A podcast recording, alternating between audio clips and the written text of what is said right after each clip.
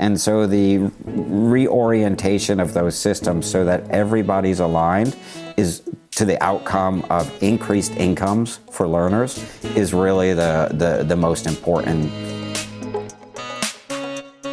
Welcome to Money Matters, a podcast by Social Finance NL where we discuss money and impact by talking to politicians, investors, philanthropists, banks, social entrepreneurs, and other specialists. Try to find an answer to the question how to best finance social impact. My name is Ruben Koekoek, and joining me today as a co host, Björn Vennema. Welcome. Thank you. In English. yes, in English. I, I do my best. Today, we will discuss how you can scale impact in an innovative partnership with a corporate. To be exact, we will talk about career impact bonds, payment by result setup created by our colleagues of Social Finance US. And we won't be discussing this innovative topic by ourselves. Today, we have a very special guest. As you probably noted, we are speaking English, and that's not just to impress my former English teacher, but we are welcoming our first international guest in this podcast series. Björn, can you please introduce today's guest? Yes, my pleasure. Um, today's guest has over 25 years of experience as a banker in emerging markets, particularly. After he started his career at Citibank in West Africa, he worked at McKinsey and New Island Capital, where he focused on financial inclusion, renewable energy, and inclusive agriculture development. Currently, he found his calling as the managing director of impact investing at Social Finance US, responsible for its impact investing proposition. And after evolving the social impact bonds toolkit to the career impact bonds, he is already contemplating the next evolution of outcomes based work. May I introduce to you Michael Grossman? Hi, Michael. Thank you, Ruben. Thank you, John, for having me. I'm, uh, I'm very excited to have this conversation and honored to be your first English speaking, purely English speaking guest. and great that you're here. And you speak some words Dutch, no? I speak just a couple words, enough to um, embarrass me and get me into trouble. So we're going to stay away from those right. I try to, but okay, maybe later in the conversation. and, and Michael, we did our research and we read that you are a Chevalier in Senegal's National Order of the Lion. What does that mean? Uh, uh, yes, I am indeed. I was um, uh, honored by the Senegalese government for, for work that um, Citibank did in the 1990s to support um, a small industry or a large industry in a small town in Senegal. And we figured out an innovative way to finance a business to uh, keep it operating basically through elections because it was an important um, employer in a relatively small town in rural Senegal. And so we figured out an innovative way to finance them, and the Senegalese honored Citibank. And as the uh, CEO of Citibank in Senegal, um, I was able to receive that honor. So I'm a chevalier. A and I have to say, I don't know many other chevaliers, and I'm kind of proud of the fact. You're the one and only that I know, that's for sure. There you go. Uh, I think in English you say knight. Knight. Yes. Yes. Um, Michael, in this podcast, we will cover topics of money and impact. And that's why we always start and end the podcast with a personal question. First of all, our regular segment, the financial fiasco. we have all kinds of guests with financial accountability in this podcast, but they also sometimes make their own personal financial mistake. That's why we would like to ask you the following question What is the most wasteful expense you have ever made? Wow, most wasteful expense I've ever made that I can talk about um, on the World Wide Web. Um, the expense versus investment it's a it's a really interesting question right because um, and and and wasteful is also a really it, it's a it's a big word i mean like everybody i'm sure you know i've had um, you know evenings that were that didn't turn out the way they expected just last week i went to dinner at a restaurant that you know was expensive and disappointing and you know i, I call that a wasteful expense but i wouldn't say it's in any way significant I once invested in a stock that I was really excited for, and it went from five dollars to forty-five dollars, then back to five dollars. So that was kind of a wasteful investment, okay. I think. Um, but I mean, most recently, I, I, I, I bought a home um, outside New York City, and that was in no way a wasteful expense. I'm very happy with it. Um, and I'm, and but I noticed in this little village I live in that everyone's got daffodils. Daffodils. And everyone, yes, and it's beautiful, especially right now that it's spring and all the flowers are blooming. So last spring, I noticed everyone was planting flowers, and then last autumn, you know, I decided to odd order flowers and plant them so that um, now in the spring they'd come up. And I looked around and saw everyone had daffodils, and I, I, I well, I decided, and I guess I don't have to explain to you why, but I, I decided I'd plant tulips. Mm, and so I spent a Mm, wow. whole lot of money on tulips, and I planted them all along over there. And uh, last week I watched a rabbit hop around and eat them all in a row, that's one after Oh, no. another. Yeah, so that's it's kind of stings right now. You know that one of the social finance board members, Jeroen Rijpkema, is also on the board of the Keukenhof, the most famous uh, exhibition of tulips in the world. Really? Yeah. So maybe yeah, we yeah. should tonight, we should connect afterwards because I need some replacement he can help you out with uh, with planting new some, tulips. some, ra- sure some rabbit-proof tulips. Thank you very much. I'd appreciate that. Of course, we we feel really close to our colleagues in social in in the US with Social Finance US. But what I see as a big cultural difference is the way you tip. You give money in restaurants. Yes. So I was wondering, like when you went to the restaurant and you had a not a good evening, the, maybe the food was not good or the service. Do you still tip the restaurant? Well, so it's a great question, and um, uh, like many Americans, my first job, uh, or many Americans my age, and the world has changed significantly in the last, you know, 25 years or so. Um, my first job was waiting tables. And so, working for tips, uh, number one, I have an extraordinary appreciation for service, and I appreciate really good service because of it. And I believe I give good service because of it. Um, but I actually the it, it's not the restaurant you're tipping; it's the server. And the experience I had what, had nothing to do with that person. Okay. And so I and and it, then my partner and I spent a bunch of time discussing this before we left to say what was the appropriate tip because we felt like this person shouldn't be punished because of a, a bad experience. However, I also didn't want to reward them um, either, and it was quite expensive. So yes, I tipped the guy, but not um, not generously. I would say not inappropriately, but not you know not generously but that's just the way the the you know the unfortunately the way much of our labor market works and and you're seeing increasingly a, a number of restaurant groups at least in New York and San Francisco the two markets I know best um, that are doing away with tips and they're just adding a service charge to the bills Yes. um, and I think that it they you know they just are increasing prices and say this is now we're gonna, Yeah. we're gonna we're gonna we're gonna pay our wait staff a living wage. Um, I think it's a good thing overall. Yeah, they they could just in, include it in the price itself and pay them a living wage rather than having service charge. I also worked in a restaurant in Amsterdam, and like everyone was cheering when Americans came came into the room because you, you would get a tip of a whole week. Like it's unbelievable. Anyway, we can talk for this for an hour, but we have work to We do, could. Michael. We have to We go do, into uh, into our topic of today.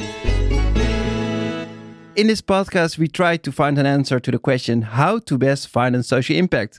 The topic of today's episode is a career impact bond and the role of social finance US in the Google Career Certificate Fund. But first, can you explain to us what is a career impact bond? Um, certainly, and um, it's a it's actually a pretty good transition from talking about um, waiting tables um, and that kind of employment. So we developed a product that looks very different than what people traditionally get. We developed a product number one that focuses on training providers and training programs for which there's data, um, where we say, okay, we can actually we're only going to finance things for whom we can actually predict with some degree of confidence, right? The past is not a guarantee of the future, um, for which we can predict future outcomes. And those future outcomes are income levels for people graduating from the training programs. Um, we are only working in, uh, we are only financing jobs, we are only financing training that leads to jobs that leads to career pathways, right? Um, you know, my mom used to use the expression dead end job, and I never really understood what it meant. But it's, you know, a job that you get and that leads to absolutely nowhere. And we want to avoid those. We're looking for jobs, we're looking for career pathways, we're looking for um, opportunities where we can finance people to have a significant and sustained income increase over time. Um, the, so the career impact bond first focuses on outcomes. Then secondly, we align all of the systems within those outcomes so that everybody is sharing the risk, right? So students participate, learners participate in training programs. If they get a job above a minimum income threshold, they pay back. They, they pay back their loan. If they don't, they're not, they have no obligation. So there's an alignment of the performance. We mm. pay the training providers in the same way. We pay them um, as investors, like a steward. We don't pay, we, we, we, we provide other people's capital, right? But um, we pay the training providers in the same way. We pay a bit at enrollment to recognize the fact that our providers and partners have upfront costs. But then we make the larger payment when the, the learners get a job above the minimum income threshold. And then we make another payment at the end based on longer term outcomes. So we're aligning everybody's interest. And finally, we build in a lot of services to help the people who have generally had these barriers to employment to um, to succeed. So in addition to paying, paying for training, the Career Impact Bond frequently provides some kind of wraparound support services to support the learners as they go through the journey of learning and then engaging with um, the the corporate sector. Great. And then finally, the last element, which is really important, sorry, is that we bring is we bring corporates and employers into the conversation. Um, so much of the the training programs um, don't really link the business sector uh, directly with the training providers, and we're trying to make that link Great. So the difference between you and a general uh, credit loan uh, company is you select the the the training providers who are uh, who have a proven track record. You finance based on outcome. If you don't get a certain salary, you don't have to pay back. Uh, you provide other trainings also to make sure they're fitted for the workforce. Also, besides the the technical skills, and you provide a network for them, which help them pursue their career. Um, and then we uh, two weeks ago we saw a, uh, a press release and a video by the CEO of Google. So so what's Google doing in this uh, in this deal? What is their role and what's the Google Career Certificate Fund? So the Google Career Certificate is a it, it, it's a it's a certificate. It's a um, basically if you we are seeking to finance training providers who can help learners achieve a significant and sustained income increase, right? And we're only doing that on a data driven basis. So, one of the channels that we've identified to um, achieve this significant and sustained income increase is people who pursue the Google Career Certificate. And the Google Career Certificate is a series of trainings, there's a series of certificates um, that enterprises use the Google architecture to um, run their systems and their all of their IT. Um, this is basically a certification that Google, you've been trained in the tools of Google by Google. Um, we observed this income increase, but mm-hmm. that people pursue this. And so we started looking at ways that we could implement a financing program through it. And so, in partnership with Google and, uh, and Google.org, uh, we've developed this this investment fund, this investment partnership that will train 20,000 people um, over the next five years. And um, you know, we hope that leads to, based on our math, a billion dollars in wage gains. So again, these are people who will go through um, training providers. We have a, we're excited about our initial partnership with two training providers, Year Up and Merit America. We're expanding that to additional training providers, but we're starting with these two and uh, working with them to develop appropriate curricula and appropriate wraparound services to support people, uh, underserved communities in their ability to finalize the Google Career Certificate training and get jobs. All right. And, and, and what's the role of Social Finance US in this fund and in this process? We, um, you know, we are using our experience in workforce finance. So we, we launched the UP Fund, which is our $50 million workforce finance fund, the Career Impact Bond Fund, um, a couple years ago. The UP Fund has four career impact bonds that are currently active, um, several in IT and several in the middle skills. Um, we're looking at this experience. Uh, we're using this experience and saying, okay, well, we have learned from it. We learned how to work with the training providers. We have learned learned how to work with students. So Google selected us to um, design and manage the investment program on their behalf. Um, so we're doing that. We're designing it.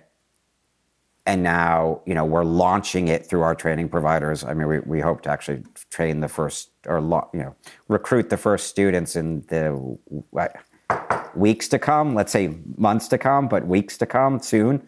Um, and it's really exciting. And, you know, our objective is that um, overall at Social Finance US, right, our, our objective is to build these kind of investment structures that can help people achieve the intermediate goals that lead them to long-term income increases so drive social change and we hope that this is something you know given the size of this fund we believe that we're getting to the point of with the up fund, with our pay it forward fund structures which are the public sector manifestation of the career impact bond which we can talk about if you like but between these three programs we think we're finally at scale so we can see if this is a tool mm-hmm. that can be applied more broadly than in kind of the niche use cases we've developed but is this something that can actually be a tool that can be used across industries and across different kind of learning environments to finance people's access to higher incomes and has the, the the process been the other way around? So the upfund you mentioned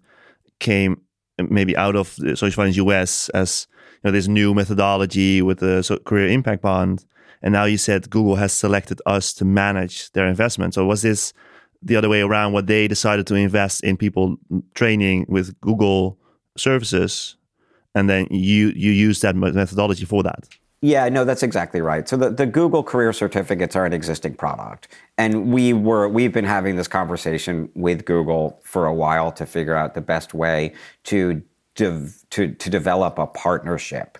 Um, the, I guess the, the, the reason why we were able to have the, the conversation around the partnership is because of our experience managing and the the career impact bonds that are in the upfund and you know we suggested that here's a, a, you know a potential way of supporting your work and supporting um, you know Google's desire to have a much high, more highly skilled workforce as well.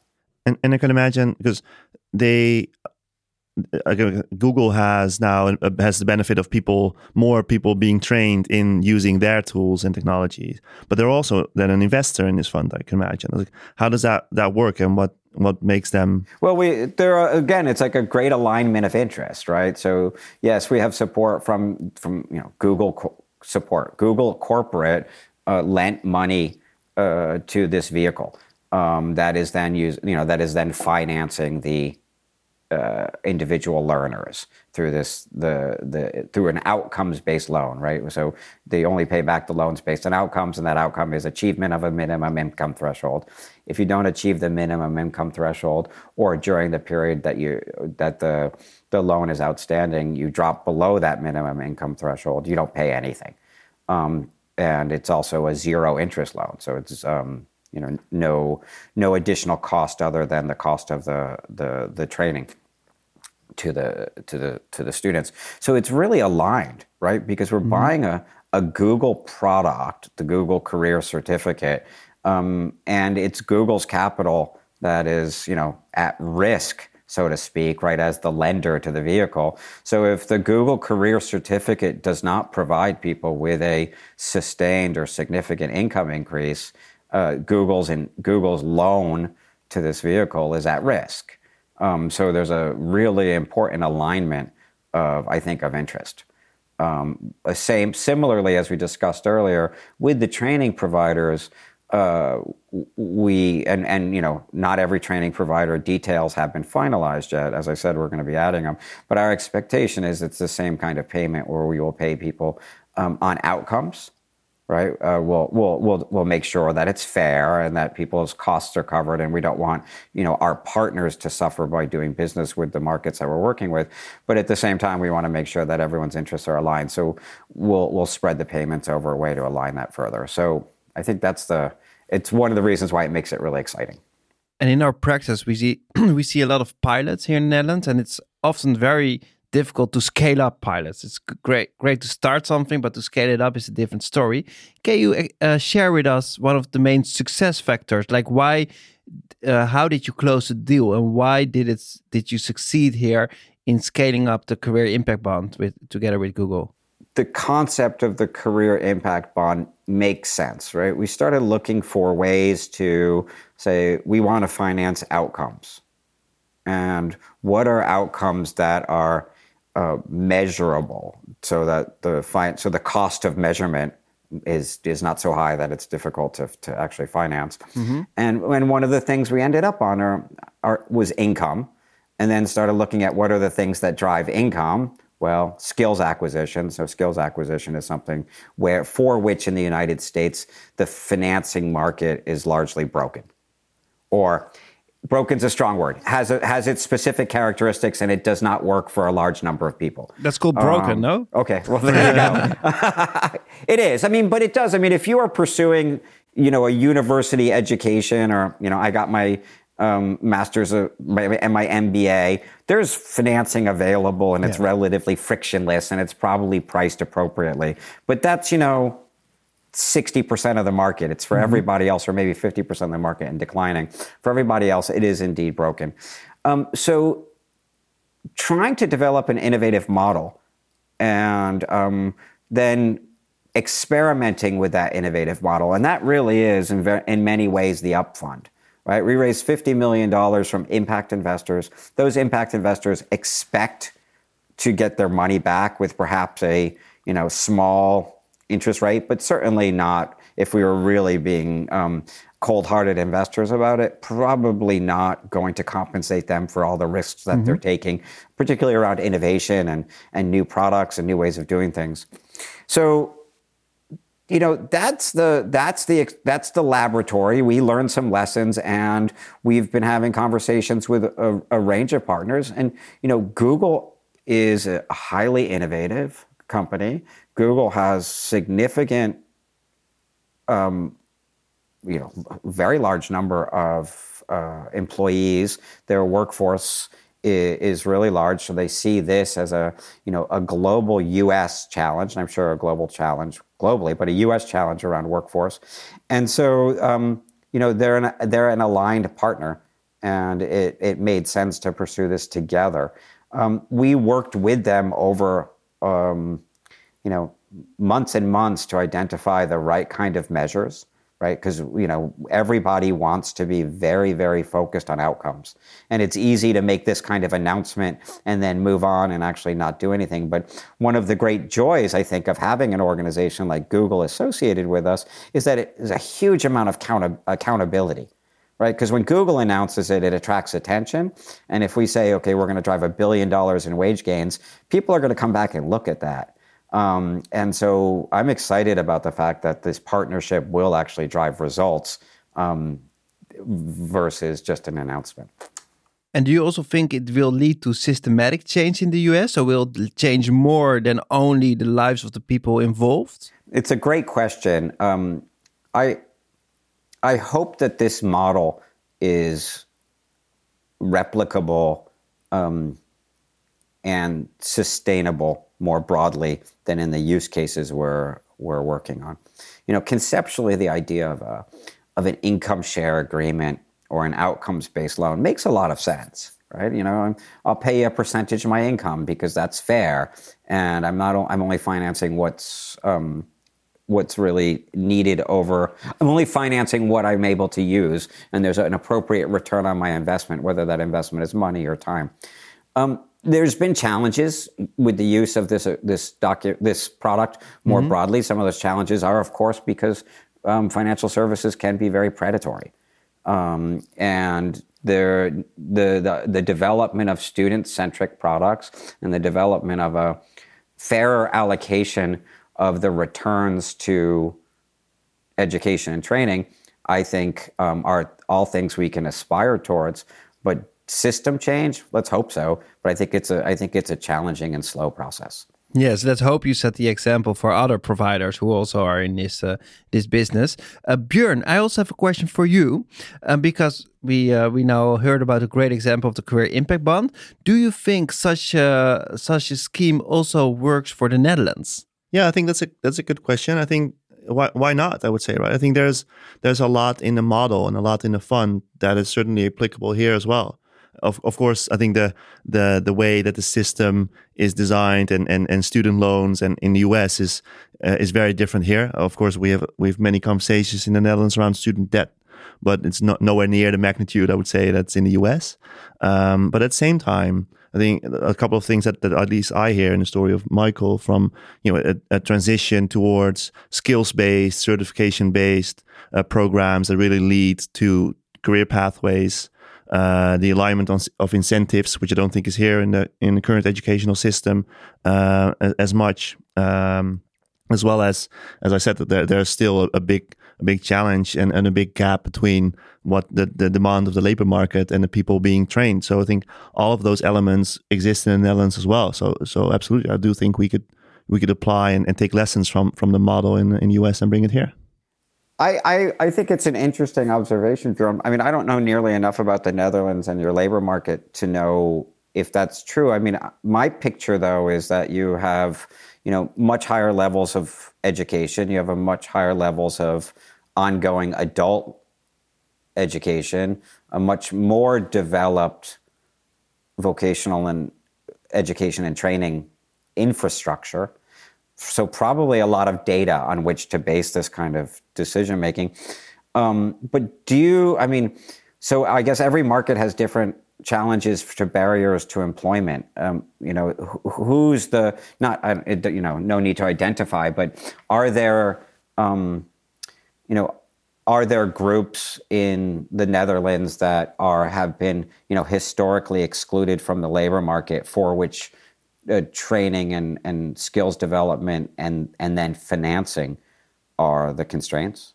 Yeah, and, and, and Ruben chip in. I'm I'm not sure whether financing is always the biggest challenge for those groups, mm-hmm. but but there there's definitely you know minority groups, uh, uh, people with disabilities. I mean, there are many many groups that have uh, much harder access to the labor market, okay. uh, or I think as well what we see now, and then you touched upon the the, the green uh, the green energy jobs. I think yes. in this transition towards uh, green energy, but also towards digital skills, I think many of the groups that are already disadvantaged are actually in the jobs that are most likely to be replaced in the next decade or so. Uh, and that's probably the group that would need the most attention and could benefit from from a scheme like this. We've also found that we're working. So we, we have a in the U.S. most of the the the place based um, workforce development funds um, are done by states and local governments, and they're grant based. And we're working with those state and local governments to hopefully transform some of those grants into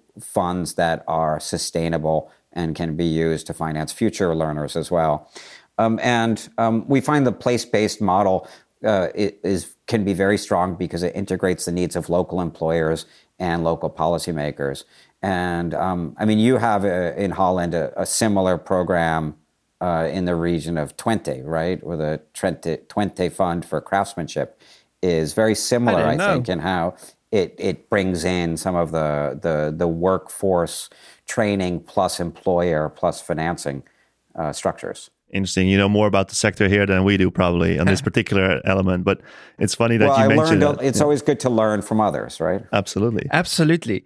Um, and that said, uh, the last question: What is your uh, biggest lessons learned? What what did you in your long career? What did you learn from setting up the fund? So, I think what we learned is that we have a lot to learn and that financing is a tool, but it's it's only part of the solution, and that um, not everything we look at is a nail. So you know, financing is not the solution mm-hmm. to every problem, um, and that we learn that it's really important to align all of the partners' interests to the same outcome right? And it, and it sounds obvious when you say it out loud, but it is interesting because our first career impact bonds that we first structured weren't always that way. where you know investors might have turned out okay but learners didn't or training providers might have turned out okay but learners and investors didn't and so the reorientation of those systems so that everybody's aligned is to the outcome of increased incomes for learners is really the the, the most important lesson I think we've learned and I, and I and I think Google is an extraordinary partner in this because they also really see the importance of that alignment and they see the long term strategic, the long term strategic importance for that alignment. Thank you. Michael, we are reaching the end of this podcast episode, and this season we finish all episodes by asking a personal question. You have had a great career, and we would like to hear about not the common thread, but the impact thread that runs through your career. My very first job and not my very first job. My very first job was picking corn on a farm, but my very first job where I had to wear a tie um, was for a large uh, Swiss pharmaceutical company. Mm-hmm. Um, doesn't exist anymore. Succeeded. Now the company's called Novartis, um, but in back in those days it was called Ciba-Geigy. And um, in the 80s, there was uh, fixed exchange rates right? Mm-hmm. Com- co- countries used to manage their exchange rates to a fixed number. And so um, Ciba-Geigy developed a, a structure where they were able to do an exchange rate deal with the government in the Caribbean in exchange for basically giving away drugs to charity. And to me, I learned right away, my very first job, that business was really a powerful force for more than just profit mm-hmm. if it was oriented that way. And I've been on that path ever since. And it's been, I mean, like extraordinarily lucky that I got that role um, at 21 years old uh, to observe that, wow, you can actually use profit making business to drive healthcare outcomes. And then you can, you know, the, the lesson that business is a force for positive social change. Um, you know, I learned that then and it stuck with me throughout my whole career. Thank you. That sounds like a good ending to the podcast. Um, Björn, what is your takeaway of this podcast? Well, first of all, if, if Michael's first real job was the job where he had to wear, wear a tie for the first time, I, I, feel like I've never had a real job. So I'm not it was sure. a long time ago. um, but uh, no, I think what's interesting. So, so, when I went to the university, they, they kept talking about things like the triple helix and the quadruple helix for people that have been in this space around you know, collaboration between universities, academics, government, business uh, people, and all of that never really took into account how do you how do you align incentives around finance and around uh, long term careers. And I think that's you know th- this feels like a, a, great step forward. That's probably not part of that curriculum yet, but how can we really use uh, those tools for for good and for longer term uh, career success for, for people who need that? And I think that's really exciting. And uh, congratulations, Michael, on on getting this fund together. And hopefully, it's a it's a starting point for much more. Well, thank you guys for having me. This has been um, it's been, as I said, a pleasure and an honor to be your first um, American guest. And I look forward to working together with Social Finance Netherlands in the future.